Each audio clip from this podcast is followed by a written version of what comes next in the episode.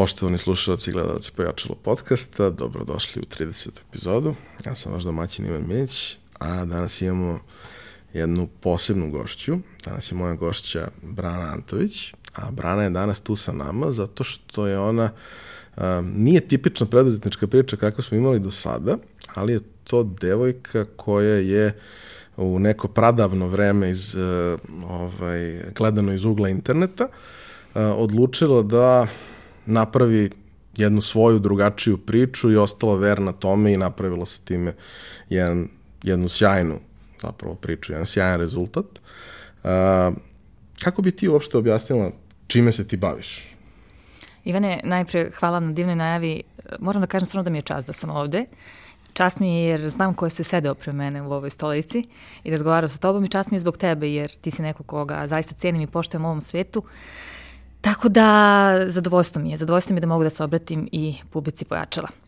Bavim se Pa bavim se novinarstvom na jedan specifičan način. Ja sam završila novinarstvo na Fakultetu političkih nauka 2010. godine i vrlo brzo nakon diplomiranja sam ja pokrenula ono što će postati Branas Divine World, odnosno moj blog.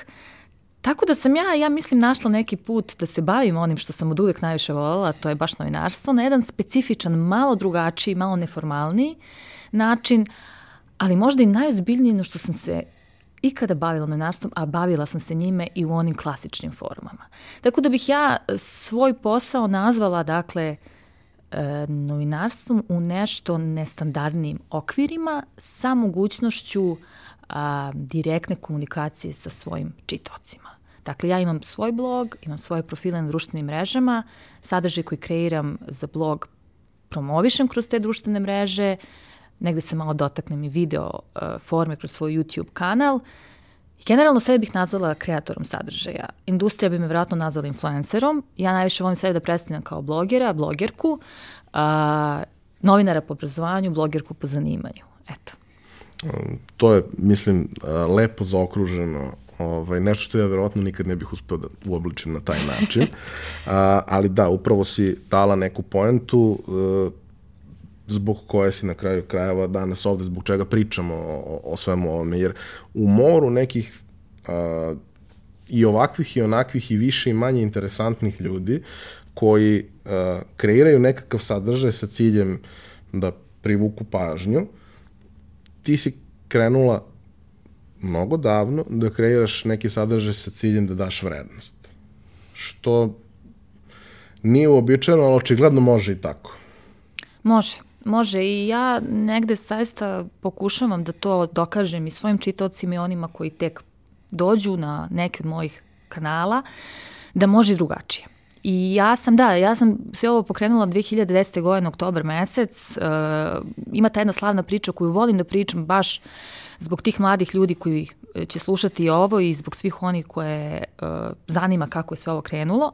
Ja sam dakle po diplomiranju na Fakultetu političkih nauka odmah upisala master studije, ali sam stvarno bila željna prakse, novinarske prakse. I tada sam onako vrlo optimistično poslala gomilu nekih mailova sa svojim CV-em, sećam se tačno sadržaje tog maila, tih mailova, odnosno tog jednog zapravo maila koji sam poslala na više adresa, ja sam tražila samo priliku da volontiram ili da stičem bilo kakvu praksu. I tada mi naravno niko nije ni odgovorio, tada korespondencija preko mailova je bila još uvek onako. No. Je, je, da si faks poslala možda. Da, tako je.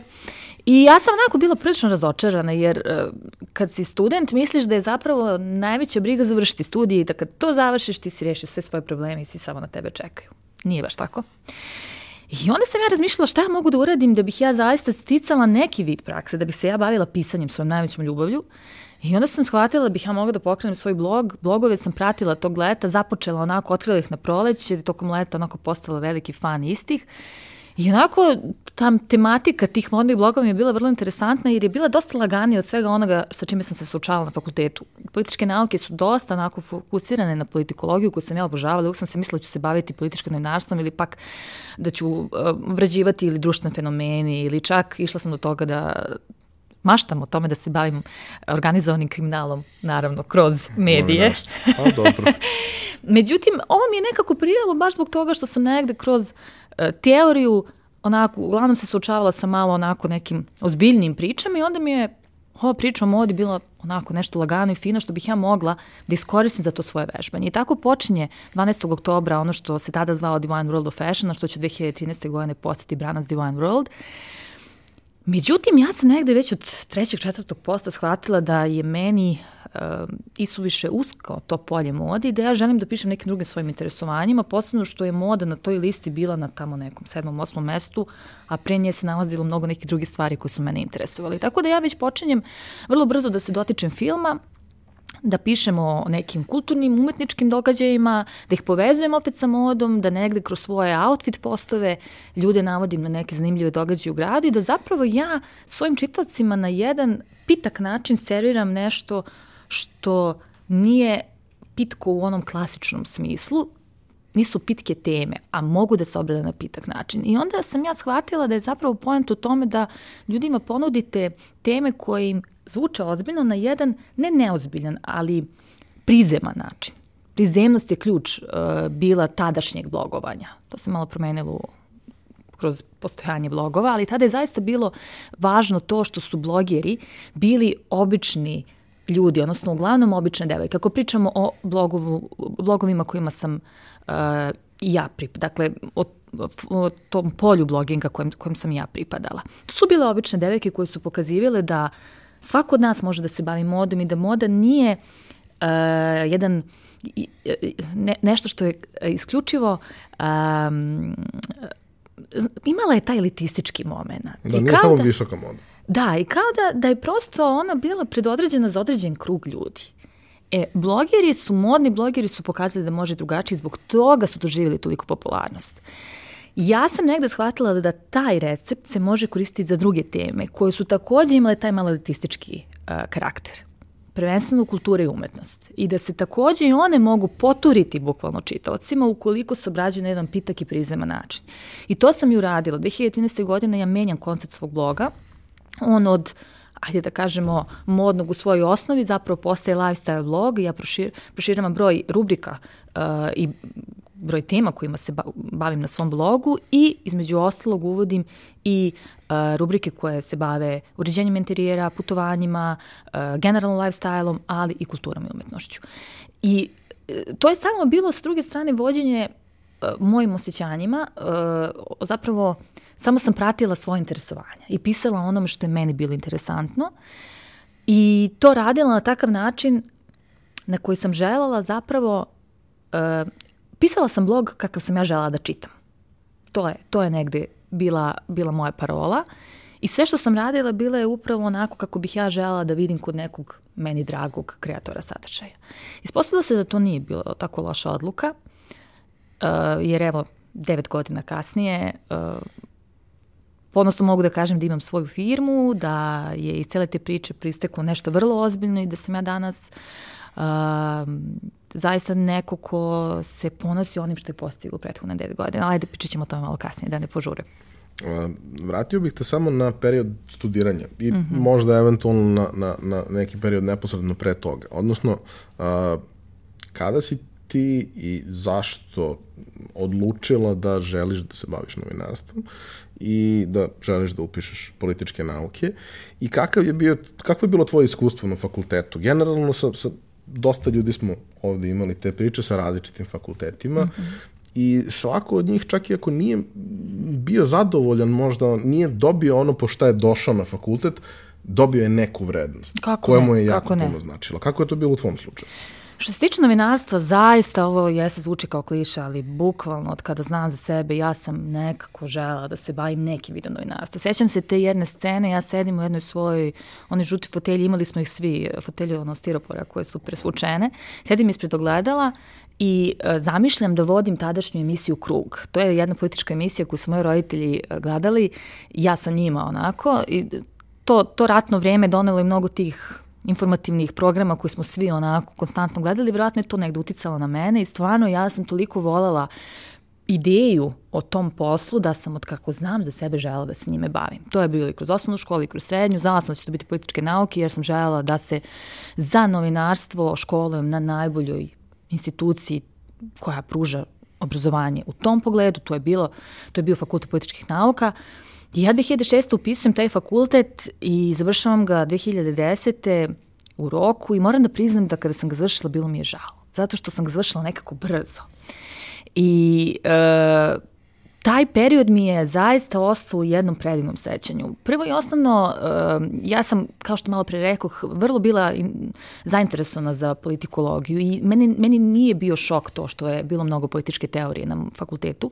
Za neke druge ljude koji su došli na narstvo jeste. Jer ljudi ne očekuju toliko predmeta iz, iz, iz te oblasti. Ja sam s druge strane, em što sam znala šta me čeka, em radovala sam im se i zaista sam uživala u svemu onome što me je, taj, ja volim da kažem, gimnazijski fakultet uči. Jer to, zaista fakultet političkih nauka vam pruža taj, to jedno dodatno gimnazijsko znanje iz najrazličitijih oblasti.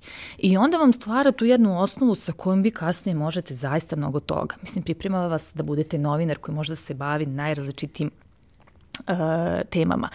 I uh, ja sam zaista, kažem, uživala tokom ta, te tri godine i deset meseci.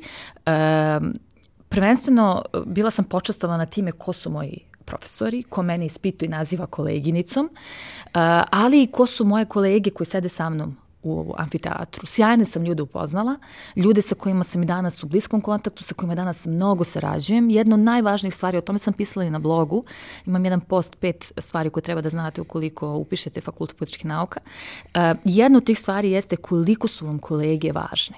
Za kasniji period, dakle kada krenete da radite, ne važno u onom smislu, uh, klasičnom smislu reči veza, Dakle, one su vam preporuka, oni su vam kontakt, oni su vam konekcija.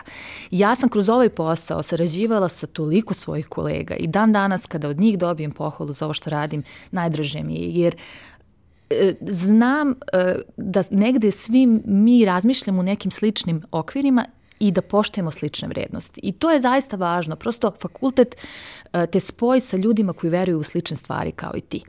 I uh, ja moram da kažem, kad god sretnem ljude sa fakulteta političkih nauka koji su novinari, to se odmah prepozna u odnosu na neke ljude koji su završili novinarstvo u nekim drugim fakultetima, ta razlika je toliko vidljiva i u načinu obraćanja i u elokventnosti i u poslovnoj korespondenciji i u svakom pogledu.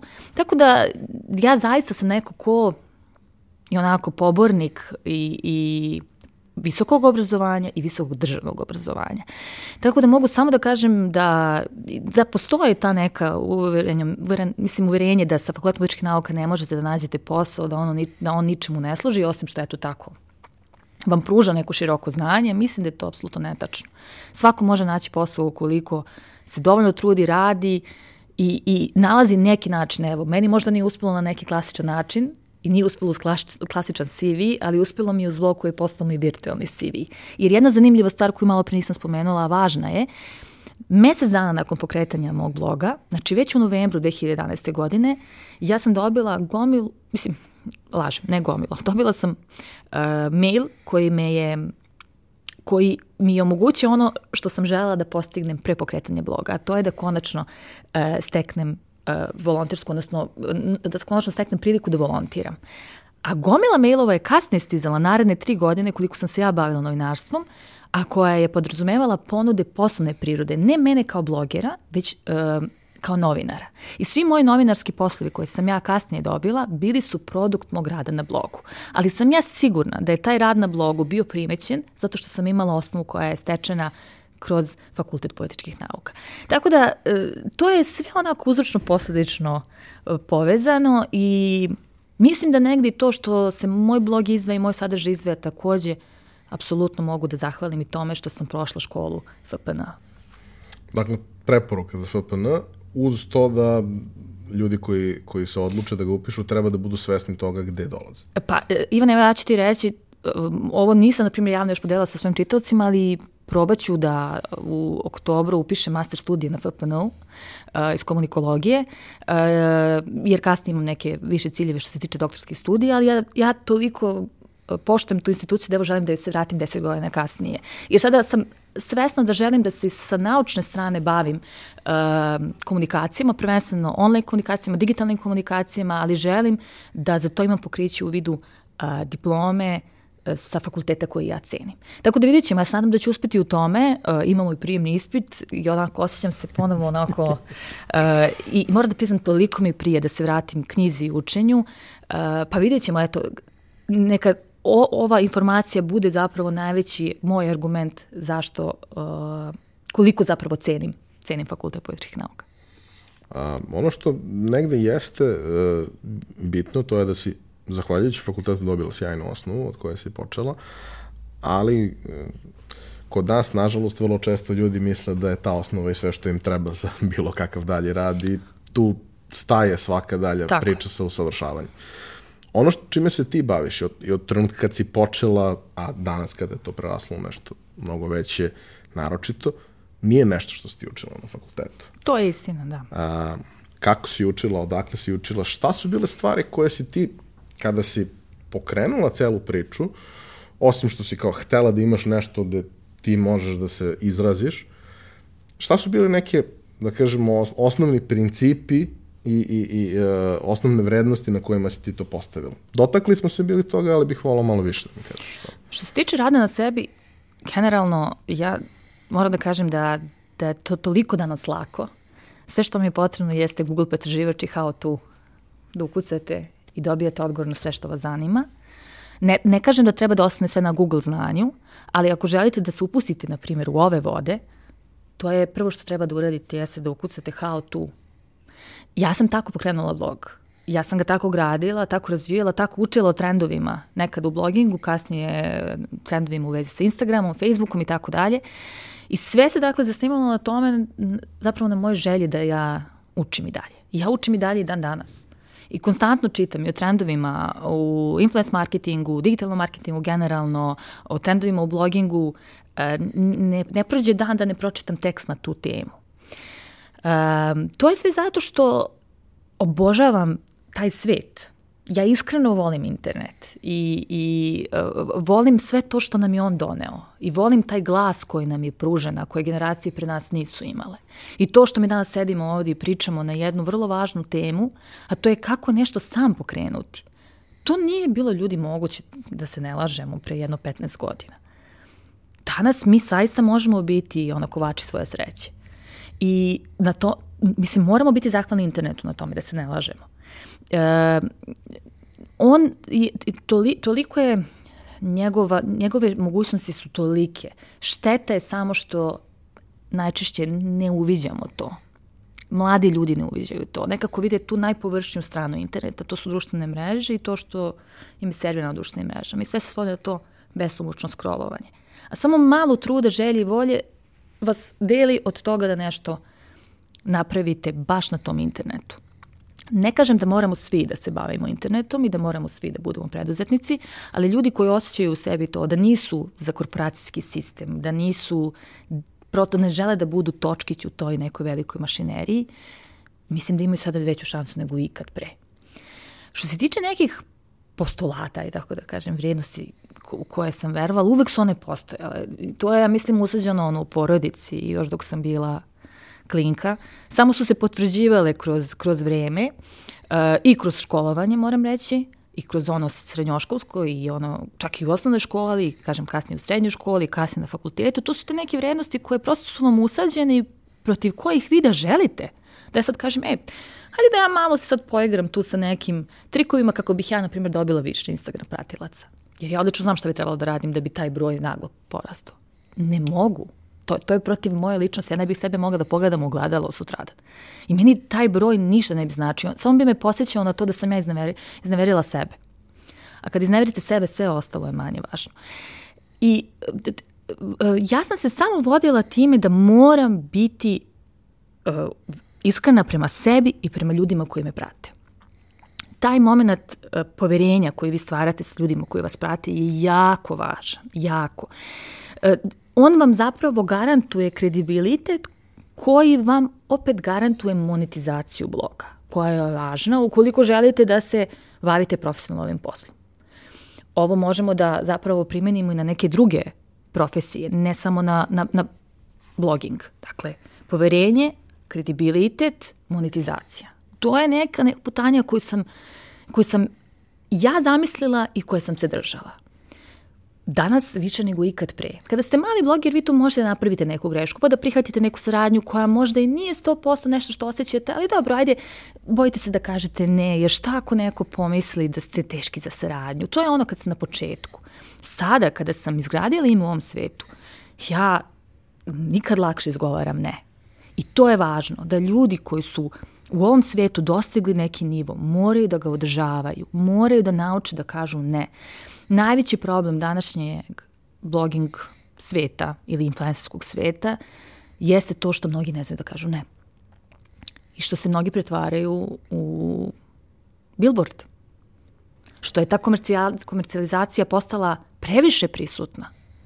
Dakle, to je sada problem tu treba da nađemo neku meru, svi zajedno i da, da nekako pokušamo, jer tu, gubim, tu se gubi kredibilitet i tu ova industrija gubi, gubi na, na značaju vrednosti. Ona, doduše, nikad nije ni dobila tu vrednost koju zavređuje. Kod nas i dalje jako, jako negativne kritike na račun svih onih koji se bave ovom industrijom. Nažalost, ja se onako svim srcem i snagom borim da, da nekako dokažem ljudima da da, da u svetu influencera ima toliko sjajnih ljudi koji propagiraju jako kvalitetan sadržaj. Možda nisu najvidljiviji, ali su tu.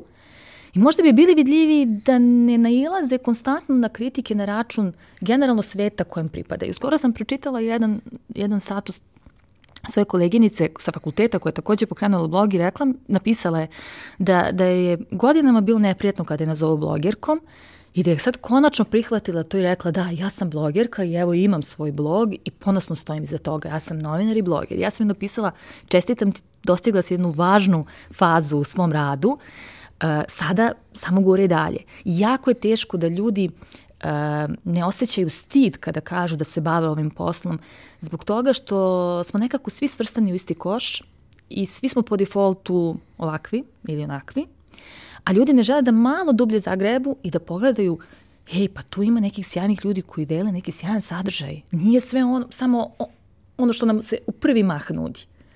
Jer pazite, u medijskom svetu, jer ovo je vid medija, svi smo mi mediji, vi u svakom, dakle, u svakoj zemlji imate kvalitetne i nekvalitetne medije. Tako isto samo posmatrajte to na jednom manjem nivou, a to je, na primjer, ajde, držat ćemo s Instagram, Instagram profile. Imate nekvalitetne Instagram profile ili pak Instagram profile koji idu na senzacionalizam, ali imate i brdo kvalitetnih Instagram profila koji se bave umetnošću, kulturom, događajima, uh, kulturnog tipa, vrlo interesantnim temama. Zašto prosto ne, ne pogledamo i malo šire od te neke najvidljivije grupe ljudi? To, to je ono što ja pokušavam nekako da pokušam da se izborim za to i kroz uh, svoja gostovanja na različitim konferencijama i kroz ovakva gostovanja, da prosto ljude posjetim da u ovoj industriji postoji mnogo kvalitetnih ljudi koji samo možda nisu toliko vidljivi, ali baš zbog toga što ljudi ne žele da istraže njih, ne žele da ih vide. I što možda negde i s druge strane ta jedna grupa ljudi koja pripada agencijskom delu, agencije su vrlo važan faktor za nas uh, u tom komercijalnom smislu, uh, takođe ne želi da istražuje mnogo. Jednostavno drže se neke grupe ljudi, drže se to te jedne postavke i uglavnom njih preporučuju klijentima, ostatak je onako tamo negde, uh, nevidljiv i tu se stvara jedan začaran krug. Zbog čega više kvalitetnih ljudi nije, nije vidljivo većem broju ljudi. Ja, mislim, uh, u drugoj sam industriji koja se naslanja na ono mm -hmm. što, što i ti radiš. Ajde da kažemo, moje primarno ovaj, opredeljenje jeste digitalni marketing i tehnologija u marketingu i klasičnom, znači neki martek ili kako već, ali i ja imam istu situaciju. Ja pokušavam 15 godina da objasnim ljudima da digitalni marketing nije prodaja magle, što ne znači da nema prodavaca magle. A, bo, da, vole ljudi taj izraz. Svi i... mi prodajemo nešto maglu. Ja, ja ne znam, ali dobro je da od te magle ipak uspemo da zaradimo. Sviđa mi se pa to. ne, znaš šta, mislim, mi ne prodajemo maglu. Uh, postoje ljudi koji, koji prodaju maglu, a postoje ljudi koji daju vrlo konkretnu i vrlo jasnu vrednost. Da li je ta vrednost uh, dovoljna? Da li je neko došao sa nerealnim očekivanjima koje nisu ispunjena? Ili je došao sa premalim očekivanjima pa smo premašana?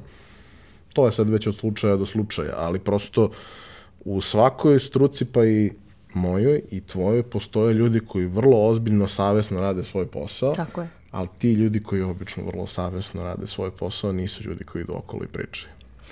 E, nažalost, da. I nisu ljudi koji su zanimljivi uh, medijima, medijima, hoću da kažem. Da, okay. Jer u, u mojoj u, u mom ovom ogranku uh, je važno da vas mediji primete. Jer oni su ti koji šire dalje vest o vama. Prosto ljudi, onda vi niste interesantni tim medijima, zato što su mediji uglavnom fokusirani na senzacionalizam i na opet te neke vrednosti koje nisu one u koje mi koji stvaramo kvalitetan sadržaj verujemo. I onda tu opet dolazi do tog jednog začaranog kruga um, da nema, nema ni prilike da se ispromovišu kvalitetni kreatori sadržaja. To je, to je prosto nešto što, ali nije to problem Srbije, da se razumemo. To je, to je globalni problem. I, I nismo mi ni izmislili ni ovakav vid novinarstva, niti to da su nam e, reality ličnosti zvezde. To, to nam je stiglo sa nekih mnogo većih tržišta e, i uh, u, u razvoju, u pogledu razvoja mnogo naprednijih. Dakle, to je samo posledica jednog globalnog trenda. Ali zato je i bitno da imamo ovakve prilike, da imamo ovakve platforme na kojima možemo da proširimo tu neku dobru reč o tim ljudima za koje, kao što ti kažeš, rade dobro svoj posao. Meni je žao što konstantno postoji ta neka ne znam kako to neko uverenje da, da, da, da ljudi koji se bavim poslom ništa ne rade. Ja bih voljela stvarno da mogu, na primjer, da ne znam, jedno desetak ljudi povedem sa sobom kroz jedan svoj radni dan i da vidimo kako je to kad stvarno eto, ništa ne radiš. Pa da, se, da ih zapitam, onako da ih pitam na kraju dana, je li ovo stvari stvarno toliko lako kao što se čini vama kada vi gledate taj krajnji produkt. Ne kažem da smo mi sad e, radnici u rudniku i da ne znam sad, ovo je vrlo lep posao da se razumemo vrlo sa... Lep rudnik. Vrlo lep rudnik, da. Sa mnoštvo divnih, divnih prilika i mogućnosti. Ali da se razumemo, vi provodite sate i sate kreirajući taj sadržaj ja uvek govorim, moja kičma nikad nije bila u gorem stanju, ja sam diskushijeniju zaradila zahvaljujući svom blogu. To nije zato što je tako bio mnogo lep i lak posao, nego zato što sam sedela satima i satima, danima i danima, godinama i godinama nad svojim laptopom, kreirajući ono što ljudi na kraju vide i što misle da je nastalo. Mislim, kao kad gledate Novaka Tenis, izgleda vrlo lako, zar ne? Ili Rodgera, u svakom slučaju, ali ovo... sam ti spomenula Novaka. Ne, ne, ne, da se razumem, neposredno pre ovaj, snimanja svega ovoga, Brana je prošetala kroz naš prostor i videla da na zidu, ovaj, na zidovima imamo neke vrlo zanimljive ljude koji predstavljaju neke vrednosti za koje se zalažemo i da među svima njima nema Novak. To ne znači da Novaku to nije mesto. Novaku je možda ver, tu mesto da bude među najvećim od, od svih njih, ali u nekom trenutku kad sam pravio, ja sam tu stavio mnogo više otpadnika koji su uspeli da naprave nešto, jer je to bila perspektiva iz koje sam mentalno jasne, dolazio jasne, u tom trenutku. Jasne, jasne. Moj heroj je Janko Tipsarević zato što ja mogu da se identifikujem sa Jankom. Mm -hmm. Nikad neću moći da budem nešto tako kao što je Novak, ali mogu da budem Janko i da budem bezobrazan na moment i da pobedim neko ko je mnogo bolji od mene u nekom trenutku. Da. A, mislim da uh, smo se dotakli jako važne stvari. E, iako to nije bila inicijalno tema o kojoj ćemo mnogo pričati, hajde da još malo o tome popričamo, a to su zapravo, a, mi se obraćamo prevashodno malim preduzetnicima, mm -hmm. mikro, malim, pre svega. I e, za njih, zavisno od toga šta rade, e, jedna od vrlo važnih publika jesu upravo influenceri. Mm -hmm. I mnogi od njih, uh, kada ulaze u tako nešto, uh, kada prosto imaju neki proizvod ili sadržaj koji, koji misle da može da bude interesantan ili uslugu, šta god, uh, vode se nezrelom možda logikom da je najbolje da pokušaju da dođu do osoba koje imaju milion pratilaca i da će to sigurno da im da rezultat. Mm -hmm, mm -hmm. A zapravo u većini slučajeva je mnogo važnije da nađu one koji možda imaju mnogo manje, ali imaju vrlo posvećenu publiku koji mogu da im zaista na pravi način predstave taj proizvod i taj proizvod u njihovom slučaju neće biti jedan od hiljadu koji su na pokretnoj traci predstavljeni. Tako. E sad, pošto si ti već pomenula da takvi ljudi postoje i da na njih treba obratiti pažnju. voleo bih da daš neke preporuke ko su ti ljudi i takođe voleo bih da se dotaknemo te teme, pošto znam da, ok, ti kroz svoj posao imaš komercijalne saradnje sa raznim brendovima i kompanijama. Ali isto tako imaš i saradnje sa malim brendovima, mm -hmm. koji jesu nešto što se uklapa tebi u onaj sistem tako je. vrednosti koje, koje imaš i koje želiš na neki način da podržiš, pomogneš kroz, kroz taj neki razvoj. Što na kraju i mi radimo kroz stvari koje, koje su naš deo priče. Dakle, ko su ti neki iz tvog ugla nekoliko, pa nek ljudi istražuju dalje, mm -hmm. neki vrlo zanimljivi uh, kreatori sadržaja koji nemaju desetine i stotine hiljada mm -hmm. pratilaca, uh, koji su i kojim oblastima i koji su to brendovi neki koje ti zaista voliš, a koji nisu mainstream popularni. Jasno. Što se tiče manjih brendova, meni su to omiljene saradnje, moram reći. Evo ja danas nosim majicu na kojoj piše Isidora, Isidora Sekulić, ove majice iz linije Heroji, Makadam uh, tim stoji iza izrade ovih majici, posvećena je herojima iz uh, sveta umetnosti, nauke, uh, istorije, pošto imaju i majicu sa Kosančić prezimenom, naravno odnosi se na Ivana Kosančića. Um, nosim, na primjer, Minđuše, studio Glina. Pravi ih jedna sjajna devojka, njihovi su, njenu i predstavljamo, moram ako da izreklamiram taman, jer ovo je zapravo dobar primer, ovo je slučajno, ali dobar primer e, kako, kako su te saradnje najplodonosnije u smislu vi se, e, vi kroz ona cela prethodna priča, dakle, kvalitetan sadržaj, bazirate se na određenim vrednostima i vi dolazite do jedne publike koja deli sa vama te vrednosti i koja ceni kada vi njima preporučite iskreno nešto što vi zaista nosite, što, što vi zaista konzumirate, što vi zaista, uh, što je zaista deo vaše svakodnevnice. Uh, kada su te stvari odabrane pažljivo, onako od srca, to publika prepozna i reaguje na to i ne samo da reaguje, već što je za brand, brand i najbitnije, želi da posjeduje to, to nešto zato što prosto mu se dopalo to što je video kod vas sa kojim gaji neka slična interesovanja, sa kojim se identifikuje, izvinjavam se, i kao što si ti malo pre rekao, negde poistovećuje sebe, ti poistovećaš sa Jankom, ovi ljudi možda negde poistovećuju sebe sa nama u smislu zato što smo zaista slični. Jer e, ovde pričamo o, ja sam jedna obična devojka koja je samo volala novinarstvo i našla svoj put da se time bavi. Dakle, nisam nikakva poznata ličnost, nisam nikakav celebrity, ništa slično tome. Uh, sa druge strane, zašto je isto važno uh, reći zbog čega su ljudi koji se bave ovim poslom doživjeli toliki, toliki uspeh? Um, ako pričamo o ženama, ženama je predugo uh, um, predstavljan jedan te isti um, koncept lepote koji je podrazumevao perfektno telo, perfektno lice, skupu garderobu. To je ono što su, što su klasični mediji uglavnom nudili. I onda jedan put vi sada dobijate neke potpuno drugačije uh, primere i lepote i stila izgleda koji je mnogo slični vama. Zbog toga postoji ta identifikacija vrlo važna. U, u ovom mom svetu posebno važna jer taj, taj moment, um, taj površni moment, taj, tako ćemo reći, kada neko posmatra šta ste obukli, uh, kakva vam je frizura, tu je važno da se on identifikuje sa vama, da je to nešto što je njemu blisko, poznato, dostupno. I zato ja ne volim što ovaj trend uh, u vezi sa influencerima se, se toliko oteo kontroli, da su najveći svetski influenceri zapravo postali nerealni ljudi, koji nose nerealno skupe stvari, koji uh, putuju na nerealne destinacije, sa kojima vi više ne možete da se identifikujete.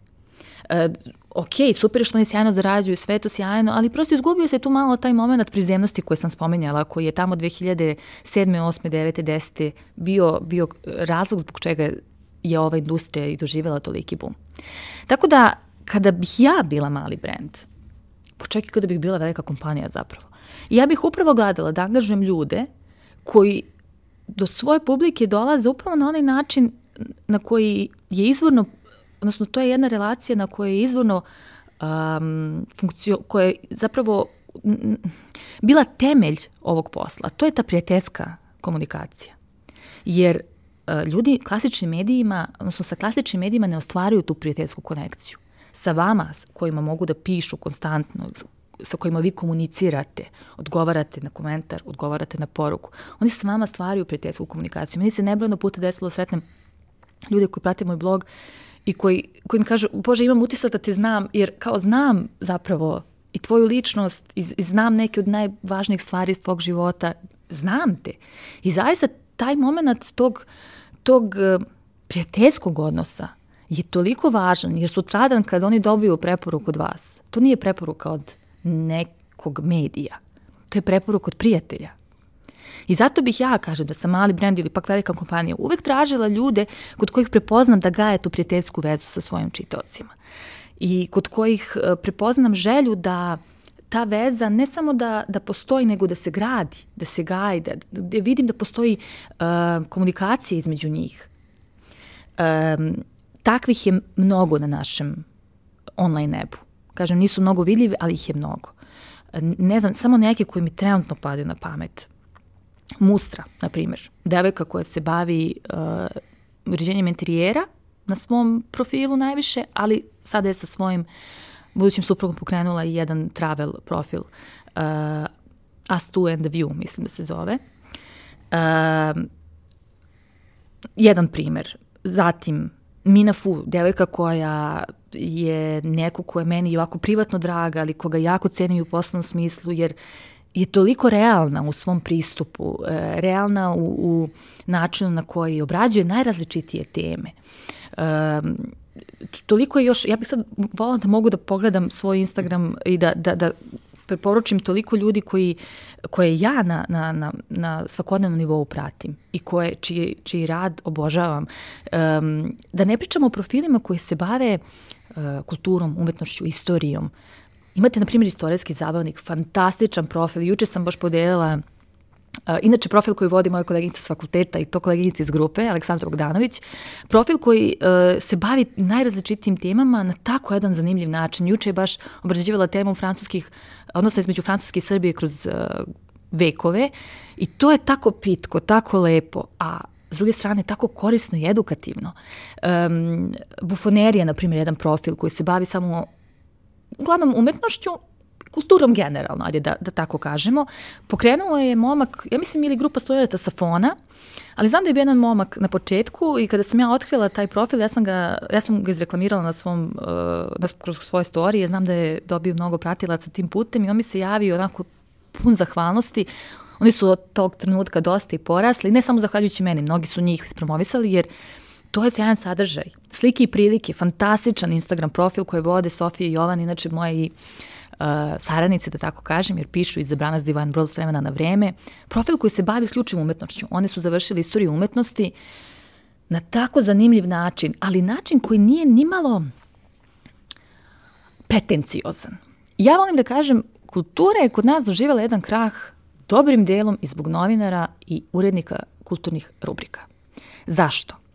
Zato što su se oni u svojim osvrtima, bilo kakav, kakav vid osvrta da pričam, dakle da li kroz televiziju ili kroz tekst, oni su se više trudili da pokažu bogatstvo svog vokabulara, da pokažu svoje poznavanje teme, svoje stručnosti, a mnogo manje da čitaocu približe temu o kojoj pišu ili pričaju.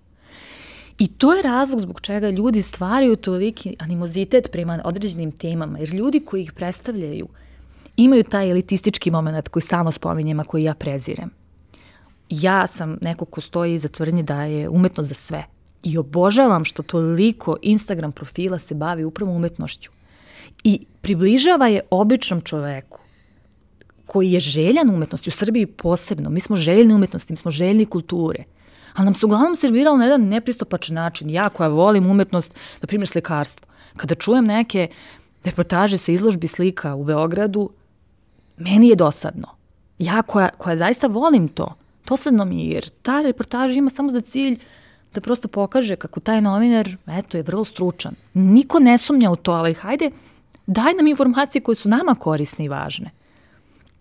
Tako da, postoji mnogo profila, ovo su samo neki koji su mi sad pali na pamet, ali mnogo i, i, i ljudi i profila koji se bave ovim poslom na, na način koji zaista onako zavređuje vašu pažnju, ima vrednost, um, nije gubljenje vremena i zaista predstavljaju male medije. I, I divno je da, da, da je sve više takvih ljudi, sve više takvih profila. Ja sam baš skoro uh, objavila, da, radioaktivni komarac se zove profil, Mislim da ga jedan momak vodi, njega sam isto ispromovisala, ljudi su oduševljeno reagovali na to. I drago mi je da moji čitavoci, da primjer, podelim fotografiju, ne znam, nekog novog uh, ruža za usne, ok, a podelim profil tog tipa, javi mi se deset ljudi da mi zahvali što sam im otkrila. Meni je to drago, jer, jer to je dokaz da prosto i moju publiku zanima i nešto više od toga šta sam ja danas imala na, na, na svom licu. Ja sam se, ja sam kad to mi išla. Dakle, da, da ok, pričat ćemo o modi, pričat ćemo o ulepšavanju, to su stvari koje, u kojima ja uživam, ali hajme o nekim drugim stvarima. I drago mi je da, da sve više ljudi zaista žele i neke druge stvari i drago mi je da primećujem da Instagram sam po sebi kao, dakle, ta jedna vizualna forma više ne prolazi tako dobro, da je potrebno da ima, da ima i neku pratiću priču. Ja sam to testirala u više navrata. Kada objavim fotografiju koju prati onako, sad ne baš neki caption, bez obzira što je dobra fotografija, proći će mnogo gore nego neka slabija fotografija sa zanimljivom pričom. I to sam potvrdila mnogo puta na svom ličnom primjeru. Nekad mi prosto ne ide, ne mogu, pa hajde, obavim nešto što treba da obavim. I vidim koja je razlika kada, kada se kada taj caption ima, ima neki, ima, ima srž, ima neku vrednost. Tako da, drago mi da se malo trendovi menjaju i mislim da će se tek menjati. Mislim da i ovo sve što radi Instagram, sa uh, željom da nekako se više fokusira na, na sadržaj, ta njihova sad želja da, odnosno plan da kao možda izbace lajkove ili da ih, vidjet ćemo šta će se desiti s tim, po nas to baš nije najbolje, ali dobro, nadam se da, da će naći neko rješenje, ali generalno vidim da postoji tendencija da se promeni malo način na koji funkcionišu današnje društvene mreže, jer ne prijaju ljudima takve kakve su. Da, možda im i prije, ali nisu dobre za njih. Možda im prijaju kratkoročno, ali dugoročno Dugoro, nisu došli. Tako je. Uh, upravo to. Dugoročno negativno utiču na njihovo samopouzdanje, uh, generalno taj, taj moment konstantnog upoređivanja koji, koji se nameće kao način, jedan oblik ponašanja koji, koji smo svi skloni da se, da se razumemo. Uh, to sve negativno utiče na mentalno zdravlje. Mislim, postoji ono istraživanje koje je dokazalo da Instagram najgore utiče po mentalno zdravlje ljudi drago mi da se, da se malo stvari menjaju u tom pogledu. Jedna od stvari uh, koje su tebi čini mi se veoma važne u, u, u priči koju praviš je upravo to da kroz uh, medije koji si napravila, publiku koju si okupila, uh, promovišeš neke vrednosti i pokrećeš neke akcije koje su uh, da kažemo, nešto što, što je tebi jako važno. A, jedna stvar jeste ovo promovisanje pojedinačnih nekih zanimljivih ljudi koji rade neke zanimljive stvari, ali pored toga ti si pravila neke, da kažemo, dugoročnije akcije, dugoročnije planove. Šta je bilo u pitanju, kako je to krenulo uopšte? Šta si, šta su neke stvari koje si radila i mislim, Kakav je osjećaj kad kreneš tako nešto, onda se ispostavi da to ima smisla i da su ti ljudi koje si ti okupila oko sebe neki stvarno divni ljudi? Pa sve, taj uticaj, ajde tako ćemo ga nazvati, Da pokušavamo on... da, da sve te neke izraze ne koristimo, ali ne možeš baš u svakoj situaciji. Nažalost, zato da što imaju negativnu konotaciju, a one uopšte nisu negativne. Nije to uticaj koji podrazumeva no, moć, novac, ne znam. To je jednostavno opet onaj uticaj koji se bazira na prijateljskoj toj nekoj Mi svi imamo uticaj na nekog i ako se ne bavimo ovim poslom, vi imate uticaj na svog prijatelja kada mu preporučite nešto i on po vašoj preporuci to nešto kupi ili ode da odgleda. Dakle, o toj, tom vidu uticaja pričamo. Kada vi dakle imate tu neku mogućnost da sa ljudima delite neke fine stvari, da im skrenete pažnju na određene stvari na koje su možda zaboravili, To je zaista neprocenjivo. Više je takvih primjera bilo, ja sam zaista onako, trudim se da sve one stvari koje su meni lično vrlo važne, da ih prezentujem javno, da prezentujem svoju borbu. Ja sam nekako ko vrlo otvoreno priznaje da je feministkinja, na primjer, i borim se za te neke stvari koje u konkretno našem društvu i dalje postoje kao problem. I ja sam, na primjer, za ovog 8. marta žela da poklonim svojim čitateljkama nešto drugačije. Poklonila sam im feministički manifest u 15 predloga, odnosno Drage Dževele, tako se zove knjiga, koji je izdao Milica magazin, koji je jedan sjajan takođe projekat, ne znam kako da ih nazovem, pošto imaju toliko, da kažem, segmenta i njih zapratite na Instagramu, isto imaju fantastičan profil. I sjajna je reakcija bila, bila na to. Sjajna. Evo, ja sam se skoro dotakla jedne vrlo zanimljive teme kroz jedan, inače, promotivni post, a tiče se toga kako nam se uh, sada ovo će vjerojatno vašim čitavcima biti smešno, ali jeste zanimljivo, kako se uklanjanje dlaka nametnulo kao standard lepote, koji nije postao pre 40 godina. Tu se razvila na tako zanimljiva diskusija, gde smo gledali da li je to tema koja ima veze sa feminizmom ili nema, neko smatra da ima, neko da ne, ali to, to je toliko za mene važno kada ja postaknem žene da razmišljaju o onome što nam se nameće godinama, a što, čega one nisu ni svesne. Što rade na neki način po automatizmu sve te neke stvari. Sve, jer... da. Tako, I, i, to je i, tako. I vrlo je nezgodno kada im vi skrenete pažnju da je to problem, one se osjete kao da su one ugrožene jer jednostavno menjate im percepciju koju, koju im je okolina nametala godinama.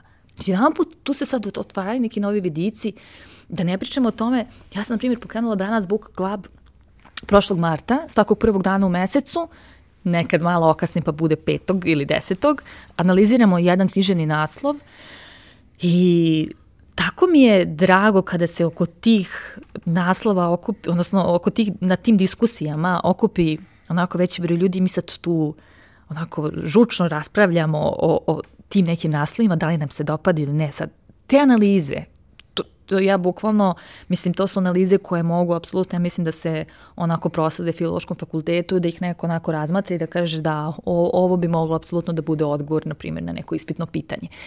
E, ja sam, na primjer, u, u e, Pro, prošlog meseca analizirala knjigu e, Zove me svojim imenom koja vrlo otvoreno obrađuje uh, uh, homoseksualni odnos. Mi smo vrlo otvoreno pričali o tome.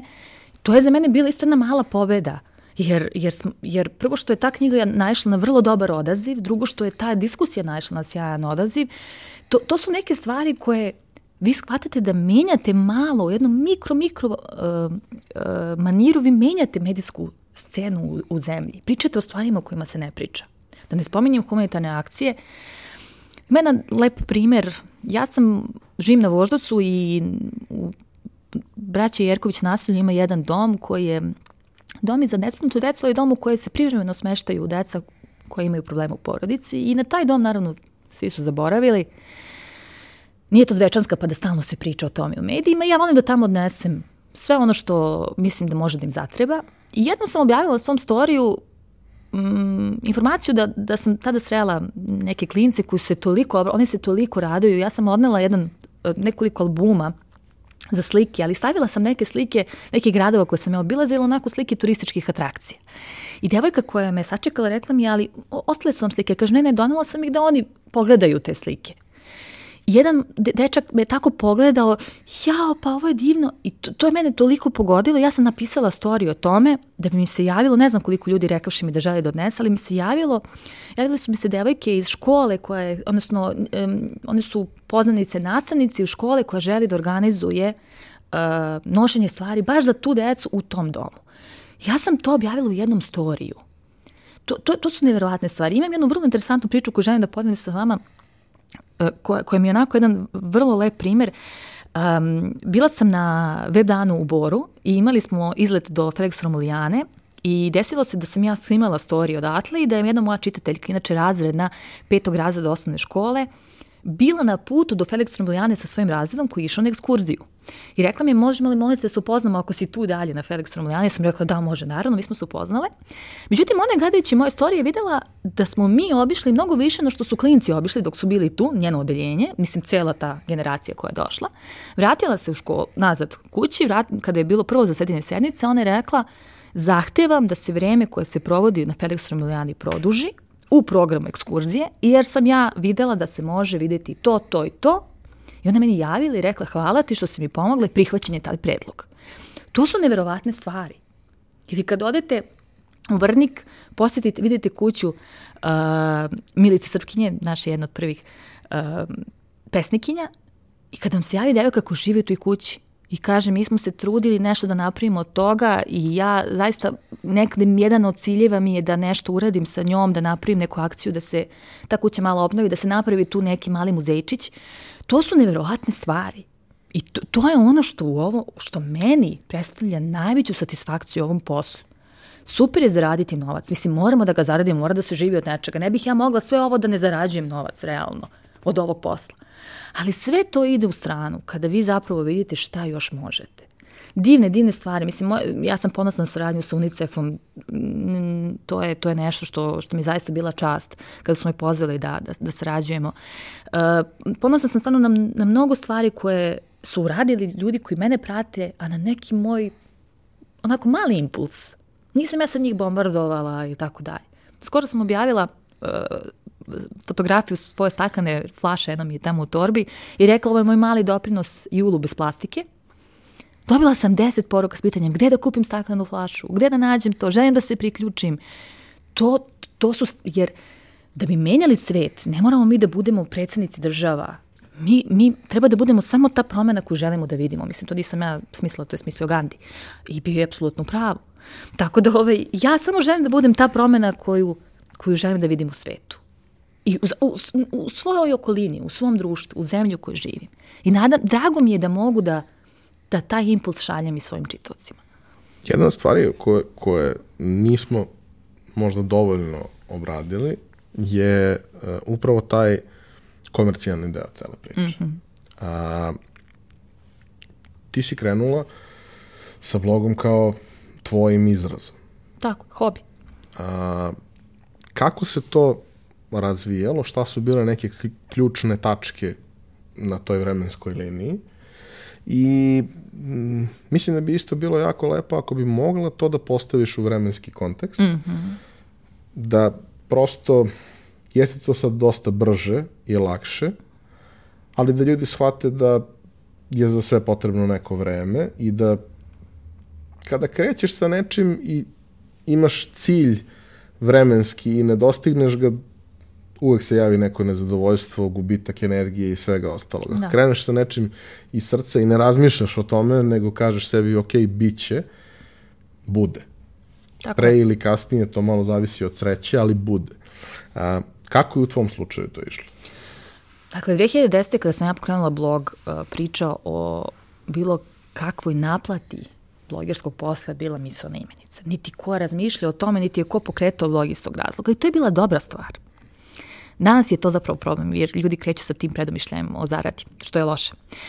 Dakle, ja sam to pokrenula 2010. 12. oktobar je bio i prve saradnje su se desile zanimljivo sa, sa inostranim sajtovima. Um, ja sam dobijala već nekde 2011. godine ponude kompenzacijonog tipa, dakle da ja nosim garderobu sa tih sajtova, to prezentujem i u jednom momentu ja shvatam da ja zapravo nisam više na teretu svojih roditelja, ja sam tada, dakle, dalje student na master studijama sam, nisam na teretu pogledu garderobe. Ja svoju taj, taj poriv za nekom novom stvačicom rešim kroz, kroz svoj blog. 2012 mm, tu se već dešava da počinje saradnje sa kozmetičkim kućama, počinju saradnje sa nekim drugačijim brendovima, da kažemo lifestyle brendovima. I ja krajem 2012. Da, tako je, ostvarujem jednu od prvih većih saradnji, sećam se sa Mastercardom, ako smem da spomenem, uh, jedna od prvih većih saradnji uh, koja je meni donela tada onako finu svotu novca i ja sam tada već počela da razmišljam, ok, ako ovo sad ide u ovom smeru, ovo definitivno ne može da se vrati unazad, dakle može samo da se razvija. Ja za to vreme radim kao novinar, uh, radim ili honorarno, kasnije od 2013. radim i u redakcijama. I prosto negde naslučujem da ja već u tom trenutku zarađujem bolje no što zarađujem kao novinar. Zapravo, no što ću zarađivati kada budem počela da radim u redakciji. Uh, 2013. to već postaje opipljivije. Kako? Prosto mi kao, kao mediji postajemo zanimljivi uh, klijentima, oni počinju da se sve češće javljaju, sve manje se saradnje baziri na kompenzaciji, sve više na, naravno, finansijskoj nadoknadi. I ja negde dok negde u oktobru 2013. zapravo moj negde presek koji se desio. Ja sam dakle do 2013. se bavila uporedo novinarstvom i blogovanjem. 2013. godine ja dobijam nagradu PC Press magazina za jedan od pet najboljih blogova u Srbiji, jedan od 50 najboljih sajtova. Počinjem saradnju s Jovanom Tomaševićem, mojom fotografijom i dan danas mojom desnom rukom, da kažem. I uh, menjam koncept svog bloga. I u tom momentu ja zapravo shvatam da je to pravi trenutak, da ja krenem u samostalnu priču i da postanem full-time bloger.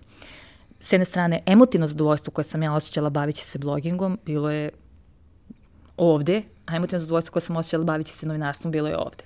Zašto? Dok sam radila kao novinar, shvatila sam zapravo, i to sam radila u jednom prestižnom magazinu, bila sam beauty urednik. Ali vi shvatite da ste vi zapravo tu apsolutno službi oglašivača. I vi tu imate potpuno jednu, jednu cenzurističku politiku. Dakle, vi objavljujete samo ono što vama oglašivač odobri. Dakle, cenzura nije samo ono koju vi trpite od strane političkih stranaka, kao što se kod nas uglavnom misli. Ne, oglašivač ako kaže da tako i mora da ide more. Ja sam postala bukvalno neko ko je samo malo prepravljao PR saopštenja. Pisala sam eto u neke tekstove, ali sve se uglavnom svodilo na to da ja oglašivaču izađem u susret. Dakle, autorska sloboda svedena na minimum. Da ne pričamo o zaradi koja je bila mizerna. I onda vi sa druge strane imate svoje nešto. Imate svoj san, imate tuđ san. I za čiji biste pre da radite? Ja uvek biram to da radim za svoj san, a ne za tuđi. I onda ja odlučujem da to konačno i uradim i počinjem da se bavim full time blogging. 2013. decembar prvi. Tada naravno ja imam svo svoje vreme da se usresredim na kreiranje sadržaja. Moj blog tada naravno raste, dobije širu publiku, ja ga unapređujem u, i u vizualnom smislu i u pogledu sadržaja, dešavaju se neke fine stvari, neke lepe nagrade i ja 2016. godine dolazim u mogućnost da pokrenem svoju firmu i da mogu da budem, da kažem, ono, um, čista pred ovom državom, da je svakog meseca platim sve dažbine koje, koje treba da platim. I ja volim to. Ja, ja sam vrlo, vrlo savesna u tome. U ovoj zemlji ljudi neretko vole da da prvo kritikuju kako niko ne poštuje zakon, onda kad dođe do toga da oni treba da ga poštuju, isto oni pokušavaju nekako da ga izbegnu. Ja, ja zaista, ma kakva ova država bila, a, a ima mnogo problema, ja uživam u tome da joj ja na mesečnom nivou isplatim ono što on od mene očekuje. Zašto? Jer bih želela da se to ponovo dešavi od strane svih drugih i od strane nje same. Ali ja ne mogu da očekujem da ona poštuje mene ako ja ne poštujem nju. Mislim, ovo sad malo zvuči onako. Ali za, hoću da kažem, hoću, ja sam neko ko, ko, ko će uvek ustati protiv sistema ako taj sistem ne valja. Ali sa druge strane, ono što se mora poštovati, hajde da poštujemo svi. Da, Tako, možda smo i mi deo toga što ne valja u tom sistemu. Tako je, upravo to. Tako da, e, taj moment kada sam ja videla svoj pečat i onako svoje ime, to je bilo jednostavno neverovatnih trenutaka i onda taj pečat, ne znam da li sam iskoristila tri puta. Hvala Bogu, jer je sve prešlo naravno na, na, na digitalnu formu i drago mi je zbog toga, ali, ali lepi osjećaj, lepi osjećaj. I od tog trenutka, kažem, eto, ja sam e, preduzetnik i, i ponosna sam na tu činjenicu, um, jer jer sam apsolutno nečim što je moj od prvog momenta i, i, i tu je, tu, tu su tu je bilo drugih ljudi koji su mi pomagali i mnogo sam im zahvalna, ali to je prosto nešto što je odavde izašlo. I to mi je donalo na kraju to da ja mogu danas od toga da živim pristojno. Nije to nikakav luksuz, nije to nikako bahaćenje, ali ja živim pristojno i zadovoljna sam, zato što radim nešto što jako volim i radim za svoj san. To je mnogo lepo. Ja nisam osoba koja može lako da se uklopi u korporacijske sisteme, mislim, nikad ne bih ne upisala na novinarstvo da sam tako, ali čak i rad u redakciji, današnji mediji, današnje novinarstvo, sve, da, sve je to vrlo diskutabilno. I onda sam ja shvatila, hej, pa ti si zapravo stvorila mediju kako si mu uvek žela da radiš. I radiš sa ljudima kakvim, kakvim si se nadala u svojim redakcijama. Jer sam ja okupila oko Brands Divine World jedan divan tim i, i ti ljudi su divni. I svi ljudi koji su bili deo tima više nisu, su, su sjajni. Uh, I, i ko, stvarno sam ponosna na to što, što se okupila neka vrlo obrazovana, uh, zanimljiva i, i željna znanja ekipa. I tako da, to, to su neke stvari koje, opet kažem, nemaju cenu, ali do, morate platiti cenu da biste do njih došli. A ta cena se plaća u vidu, u vidu rada, truda i poštovanja nekih principa koje ne kršite ni po koju cenu nebrojano intervjua sam odbila za medije koje ne poštujem. Ne smatram, kvali, ne, ne smatram da, ne kvalitete, nego ne smatram da uh, pasiraju u etar dobre vrednosti. nebrojano sam puta izbegla prilike da sebi ispromovišem i svoj blog, ali na mestima na, na kojima nisam želala da se nađem, jer bi to ugrozilo sve ono zašto se borim na svojim profilima. I ponosna sam zbog toga. Ponosna sam jer sam uspela, iako sam ja ovo sve pokrenula, Znači, 2010. imala sam 23 godine. Ponosna sam zbog toga što sam i nekako opet sa tim svojim mozgom koji sad kad se okrene, mislim i sa 26. isto imam utisak, nič nisam znala, uspela sam nekako da nađem taj svoj negde put i da, da znam šta želim. I da sada sa 32 kad se okrenem i osvrnem na tu svoju verziju, kažem, super, dobro si ti to odradila. Ja. I meni je drago što si izabrala da dođeš ovde To znači da možda i mi radimo neke prave stvari, ovaj, makar s vremena. Ja mislim da se to uopšte ne dovodi u pitanje. E, volao bih da upravo zbog toga što si rekla na, kom, na koji način si postavila celu priču, uh, objasniš uh, kako konkretno izgleda saradnja sa, sa, sa brendovima, mm -hmm. jer uh, da, uvijek došla si, kao da, došla si u situaciju da možeš da kažeš ne. Apsolutno. I volao bih da kažeš koje su situacije u kojima kažeš mm -hmm. ne. Mhm. A, ali prosto kako to izgleda iz tvog ugla. Ok, ja sam dosta radio sa, sa agencijama i to nam je isto jedan od, kažemo, bitnijih a, izvora prihoda, to što radimo kao podizvođači za, za, za razvoj web i mobile, za agencije, za razvoj neku produkciju i tako dalje. Ali ja sam klasičan plaćenik i mene uopšte ne zanima šta je to, mm -hmm, što snima. Mislim, mm -hmm. agencije ne snimaju reality, jasne, ali jasne. kao, da, ja ne pijem kafu, ali to ne znači nećemo raditi tako za Tako je, tako je, apsolutno. Ovaj, nemam tu uh, komponentu u celoj priči. Mm -hmm. Ali sam svestan toga da nije lako raditi sa agencijašima, recimo, ovaj, uh, i da nije lako i, i, izboriti se za svoje mesto u toj priči, da nije lako raditi sa brendovima, uh, jer vrlo često brendovi imaju jako pogrešnu, prvo imaju jako pogrešnu sliku o sebi, mm -hmm. a onda imaju jako pogrešnu sliku i jako pogrešnu ideju o tome šta treba zapravo da dobiju. Mm -hmm. Oni bi hteli da često, ne svi naravno, ali vrlo često bi hteli da ti njima napraviš nešto što oni hoće, a to u principu ne bi trebalo da funkcioniše tako. A, kako u tvom slučaju to funkcioniše? Ja imam u sebi verovatno tu neku dozu strogoće, jer kod mene kad ja kažem ne, to onda je, ne, ne u smislu nema saradnje, nego ne u smislu vašeg mešanja u moj sadržaj. I to zaista bude tako. Ja nemam velikih problema sa, sa klijentima i ajde da kažemo sa klijentima, zato što sam ja vrlo izričita u, u svojim uslovima i prosto tu nema mnogo prostora za manervisanje sa njihove strane.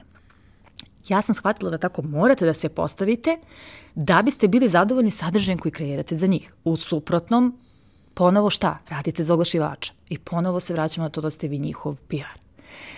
Um, saradnja počinje tako što me uh, kontaktira ili agencija ili klijent direktno. Preko maila. Nadam se da je preko maila jer se sad dešava i preko Instagram DM-a i preko Facebook inboxa. Svuda vas kontaktiraju i sada ja evo moram da apelujem ljude koji se bave kontaktiranjem ljudi za influence, za, znači influence radnje, uh, radite to preko mailova, jer ne možemo da pročitamo sve, posebno Instagram DM jedna vrlo, vrlo nezgodna, onako, nezgodna platforma za slanje poslovnih ponuda. Dakle, kreće po, uh, sa ponudom, ja odmah razmatram da li se taj brend uklapa uh, u moj životni stil, da li je to nešto što ja konzumiram, koristim, da li uopšte to deo nekog da li to deo moje svakodnevnice. Ako sve to čekiramo, onda ja kažem, ok, ovo su moji uslovi, šaljem svoj media kit u kojem se nalaze sve informacije o mom blogu, cenovnik i ono što oni mogu da dobiju za tu cenu. Oni onda vraćaju informaciju Ako nisu zainteresovani, uglavnom nikad povratni mail ne stigne. Jako loša jedna osobina, moram to da priznam opet ovako sve pričam zato što se nadam da ovo slušaju ljudi iz industrije pa da mogu da malo ja reaguju. Ja se nadam da iz industrije. Dakle, kada nisu zainteresovani, ili uglavnom ne stigne mail ili redki neki kažu hvala, nismo zainteresovani. Oni koji su zainteresovani šalju uh, predlog uh, saradnje, njihov, ali ne sadržajni predlog, već predlog uh, forme saradnje. Dakle, da li je to jedan Instagram post, dva Instagram posta, jedan blog post praćen sa Instagram uh, storijima, serijalom Instagram storija i tako dalje. Ok, mi se tu napravimo neki okvirni plan. Uh, Ja gledam da to uvek bude uh, nešto što je racionalno u pogledu vremensko, vre, uh, vremenskog intervala u okviru kojeg će se odigrati ta saradnja, da ne idemo sa 4% mesečno. Dobijala sam i takve upite, što bi za mene značilo mnogo više para, ali ja kažem ne, zato što će to dovesti do toga samo da mojim čitocima bude preko glave vas ne, i vašeg brenda. Apsolutno. Ljudima kada to kažete, onako oni se zbune, aha, pa da, zaista, da, to može tako da dovede do kontraefekta. Uh, u poslednje vreme pitam koliko je još mojih kolega angažovano. Zašto? Zato što dolazi do jednih dolazi takođe do prezasićenja kada vas sa više kanala, a da se ne lažemo, mislim, tu jedna tista publika ovaj, ide od, jel te, profila do profila, gleda šta se tu dešava i onda kada oni sa više profila dobiju istu informaciju o istom brendu, onako na sličan talas, način, talas ih zapljusne, kod njih se stvori jedan onako otpor i oni kažu, ma neću ovo ni da gledam, ni da slušam, ni ništa. E onda ja sad pitam koliko tu je angažovano ljudi, ako je to više od tri ne pristajem, iskreno. Zato što, uh, da ne bi došlo do toga, skoro sam imala jednu situaciju, jedan brend koji jako volim, s kojim jako volim da sarađujem, ali sarađivali su sa više influencera i primetila sam da nije to naišlo na dobar odaziv, u smislu da su ljudi bili koji, ova, da, i svi mi pričaju o ovome. Ja sam tražila uh, brendu uh, da našu saradnju odložimo za jedno mesec dana, kada se malo stiše taj hype, i da onda ja izađem sa svojim vidom te saradnje i sa svojim predlozima koji će biti potpuno drugačiji svega onoga što sam videla. A da naravno ta glavna poruka ostane ista. Oni su to prihvatili bez ikakvih problema, zahvalili se na, na tome što sam ih obavestila kakav je efekat izazvala ta takva kampanja, objasnili mi zbog čega se to tako dešava i to, to je sjajno. To je onda kada radite prosto sa ljudima koji razumeju i ovaj posao i ovaj industriju. Desi se naravno da bude drugačije, ali kažem ja valjda nekako, da li ili valjda kad odmah kažete ne, kad vi prepoznate da to nešto ne odgovara vama i odmah kažete ne, uh, onda ne dolazite u te neprete situacije. Kada prihvatite nešto od srca i zato što zaista to jeste deo vaše ličnosti, onda i sve posle nekako ide lakše. Ništa, onda se dakle dešava saradnja, nekad se potpisuju ugovori, nekad ne, uh, saradnja se završi, šalje se faktura i plaćanje u roku od 60 dana. Najčešće tu negde pri kraju toga. 59, najčešće. Mada ima stvarno sjajnih, sjajnih ljudi koji, koji plaćaju odmah, ali jeste, to je, to je jedna uh, rak rana u srpskom preduzetništvu, to plaćanje. Um, generalno u srpskom poslovanju, rekla bih. Uglavnom, to je dakle jedan proces. Uh, dešava se naravno da se javi neki manji brend koji želi nešto da pokloni, ja naravno ne kažem, e ne, košta to toliko i toliko, ja kažem sa zadovoljstvom ću, ako se to meni naravno dopadi, ako to odgovara meni, uh, sa zadovoljstvom ću da, da ponesem to nešto vaše ili da izreklamiram ili da, da spomenem kao podrška malim brendovima, kao podrška ljudima koji nešto svoje stvaraju i to je jedan potpuno drugi vid saradnje koji se ne radi uopšte uh, s te racionalne strane, već se radi s emotivne strane. Dakle, to je onako nešto što radim od srca. I, mislim, zapravo svaka moja saradnja je urađena od srca. Ja moram reći, juče sam objavila post, uh, imam saradnju sa HBO-om, Objavila sam post o 10 serija koje ne smete propustiti ovog leta. To je jedan od meni dražih postova u ovoj godini. Ja mislim, zato što je prosto to takva tematika u kojoj ja uživam, priprema za taj post je bila savršena. To je bilo istraživanje trenutne HBO ponude. Da li sam mogla da zamislim išta bolje od toga? Ali pojenta je da sam ja stvarno uložila vremena, rada i truda da taj post ispadne tako kakav jeste i da ljudi imaju čak 10 predloga i da biraju onako iz različitih žanrova naslove i to, to su stvarno stvari koje ja radim svim srcem. I trudim se da sve saradnje, čak i one s velikim e, kompanijama, budu bazirane na tome da ja ih radim onako maksimalno. Ne desi se to uvek, naravno. Mislim, normalno je to. U svakom poslu imate nešto što vam više leži, nešto što vam manje leži, ali dobro je što u ovom poslu vi možete da bežite od toga što vam ne leži, što vam ne prija i što, što jednostavno izaziva neku neki, ne, neki, neku nelagodu. To je dobro, što ovom poslu možete da kažete ne.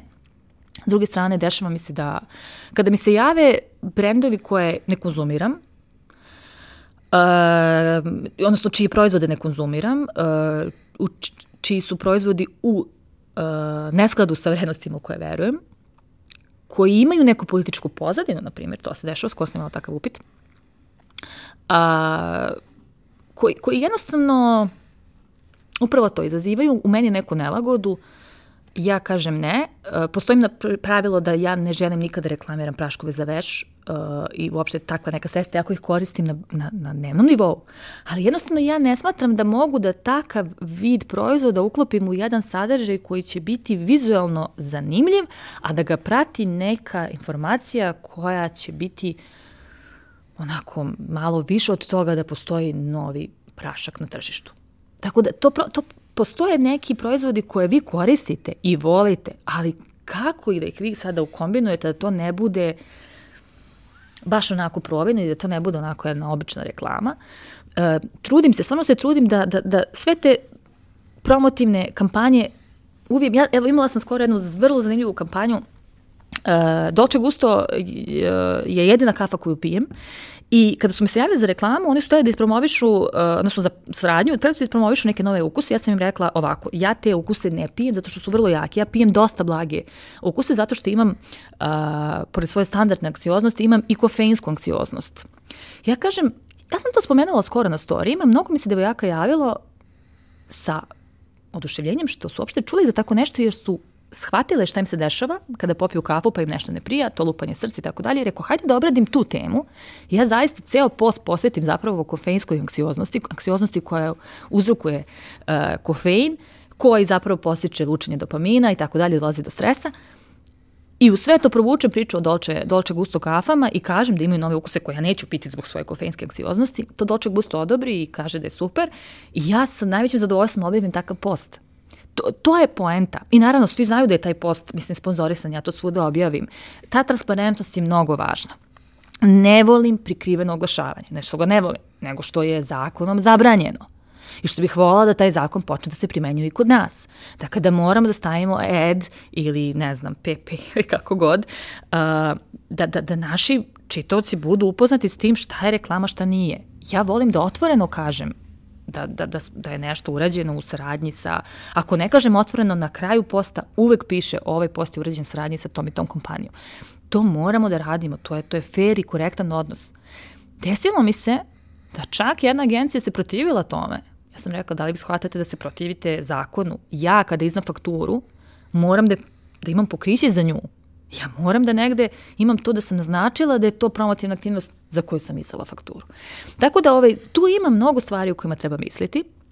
Nije to jednostavan proces, mnogo prepiski, mnogo, ja izbegavam sastanke, pokušavam da, da smanjim sastanke na minimum, jer sastanci u Srbiji su gubljenje vremena. O da. Svi vole mnogo da sastanče i mnogo da... Ja prvo, ako sedem na sastanak, mogu da se raspričam i da pričamo hiljadu tema i tek na kraju o poslu, tako da pokušam i sebe da suzbijem u tome i da nekako se svedem na, na uh, mailove, to ide mnogo brže, mnogo jednostavnije i sve imamo naravno napismeno, pa nema ni zabune.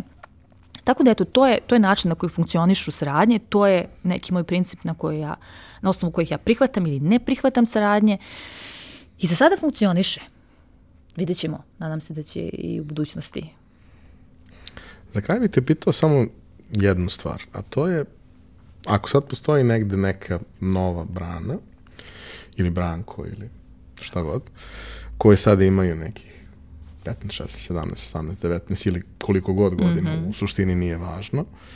I drugačiji su od svega onoga što je danas uh, mainstream i popularno i nisu sigurni da, kao, da su kao takvi možda vredni nečije pažnje i nisu sigurni šta da rade dalje sa tom svojom potrebom da se izraze, jer ok, možda će oni raditi neki posao kakav god, ali i dalje imati tu potrebu da se izraze. Uh, šta bi im ti posavjetao? Kako bi im rekla da poču? Šta bi im rekla da, da ti priđu? A siguran sam da su ti prilazili do sad mnogo puta. Ako imam 15-16 godina, rekla bi im da završe školu, srednju, a onda da razmatre fakultet. Ako nisu za fakultet, uh, da razmatre šta je to što ih interesuje i da gledaju kako da, da dođu do, do toga da se bave tim poslom. Posao neće doći do vas. Uh, vi ga čak možete u današnje vreme stvoriti. Vi možete stvoriti vaš posao iz snova. Ja stvarno mislim da sam ja to negde i jednim delom uradila. Um, dakle, važno je samo da rade na sebi, da iskoriste internet, da ga maksimalno iskoriste, da obavezno se oprobaju, da li u pisanoj formi, da li u video formi, da li samo kroz društvene mreže, ali da to ne bude samo ono klasično što im prvo padne na pamet kada kažu YouTube ili blog, nego da ako imaju interesovanje koje, ne znam, potpuno iz neke druge teme, ali koju imaju ideju kako da obrade na zanimljiv način, a da plasiraju kroz te kanale, to bi bilo savršeno. Dakle, da svoju ljubav pretoče u sadržaj koji će deliti dalje jer to je način da ih možda neko primeti iz industrije u kojoj žele da pripadaju. I to je ono što ja uvek pričam, dakle, taj moj klasičan CV mi nikad ništa nije posebno doneo, ali moj virtualni CV mi je doneo sve. A moj virtualni CV je bio moj blog. Tako da ja mislim da je važno da oni iskoriste internet u tom smislu da nekako na njemu ispromovišu svoje veštine, umeće, talente, da rade na sebi konstantno, da veruju u određene stvari i da nikako ne, ne rade ništa što nije u skladu sa tim stvarima u koje veruju.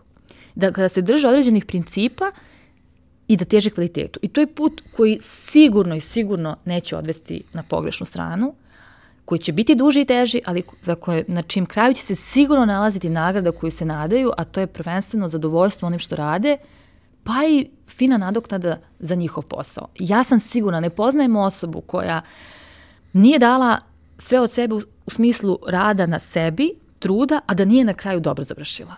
I, ja zaista, evo, ja sam možda optimista, možda se ovo neće baš mnogo da opasti vašim slušalcima, ali ja zaista ne poznajem ljude koji su, koji su radili na sebi, a ne nisu na kraju došli do nečega što ih čini zadovoljni. Možda nemaju milione, ali zašto bi to trebalo da nam i bude uvek cilj?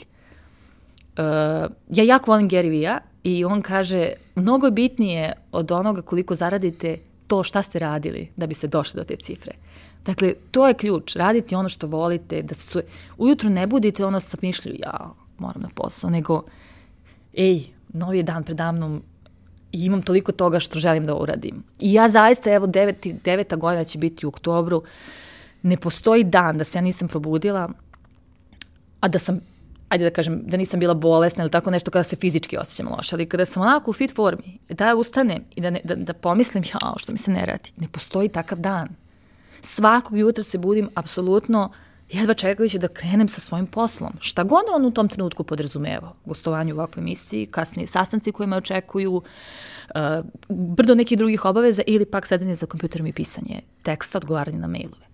Dakle, to je suština, da se radujete svakom svom novom radnom danu. A to koliko ćete zaraditi uz to jeste važno, ali ne treba da bude presudno. Klinci upisuju srednje škole zato što su one kao isplative. Ja, ja to, ja, to, to je bilo kad sam ja upisivala srednju. Kao upisujem farmaceutsku jer kao mogu s njom nešto. Odnosno, nemoj da upišeš gimnaziju, to je. nemoj da upišeš gimnaziju. Jedna od najboljih stvari koje sam radila u životu jeste što sam upisala Aleksinačku gimnaziju, jednu sjajnu školu koja me naučila mnogo čemu, između ostalog i životu samom i kako da se borim za sebe.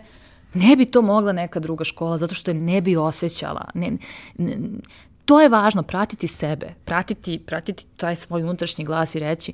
I da, mnogo je lako biti jedinstvena, to je samo, bit će kliše, ali realno najveća istina biti svoj, jer ni, ne postoji osoba koja je identična vama.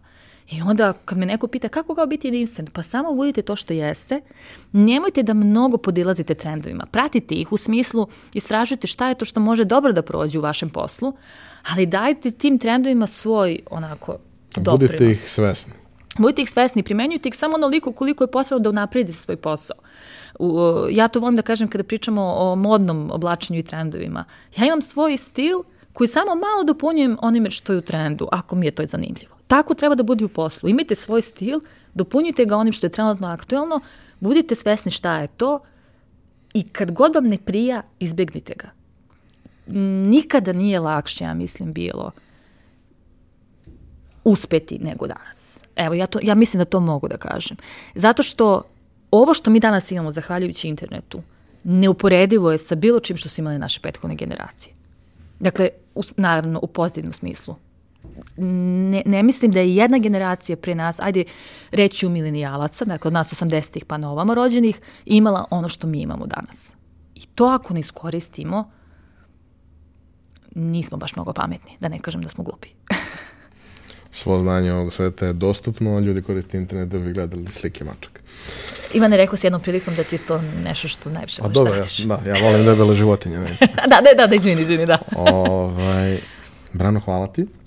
Uh, jako mi je drago što si podelila priču i nadam se da ćemo bar nekome ovaj, dati taj impuls koji im je potreban da prelome, da krenu u neku svoju priču, makar ono u slobodne vreme.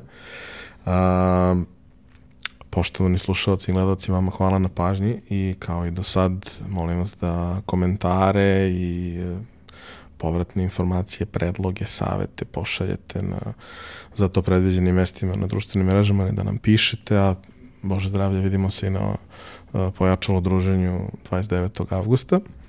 A, tebi još jednom hvala, hvala na tebi, divnoj Ivane. priči, na nekim sjajnim brendovima, neki od tih ljudi znam, neki od tih profila koje si pomenula takođe znam i zaista mislim da su, da su, da su sjajni i da svako od nas ko može, bez obzira na to koliko je veliki ili mali kosmos koji ga okružuje i ljudi koji ga prate, treba da pokuša da da podršku nekome ko radi tako nešto iskreno i, i trudi se da kvalitetom doprinese i napravi razliku. Slažem se, hvala ti mnogo. E, nadam se nisam bila previše opširna. Nadam se da je sve ovo što sam rekla, makar nekom bilo e, korisno, interesantno i da će, kao što si ti rekao, nekom dati taj impuls koji nam svima ponekad treba.